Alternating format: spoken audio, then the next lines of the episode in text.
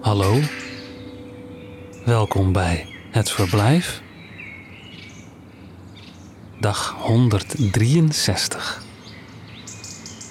Vandaag Saskia van Koppenolle leest. Toen ik aankwam van Marleen de Kree. Toen ik aankwam, kwam ik nergens aan. Er was niemand. Niemand zei iets.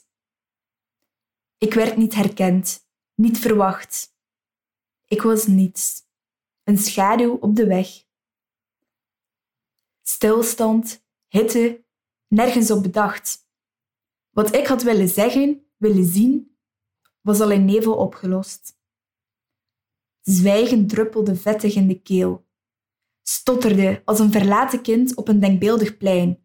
Leunde tegen me aan alsof we oude bekenden. We hoorden honden hijgen, de honden van de nacht. Toen wist ik dat het slaap was. Droom. Een stukje eeuwigheid misschien.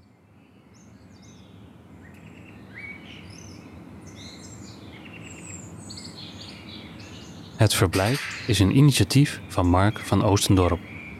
Redactie: Johan Oosterman, Iris van Erven, Jaap de Jong en Lot Broos. Ik ben Michiel van der Weerthof en wens je een aangenaam verblijf.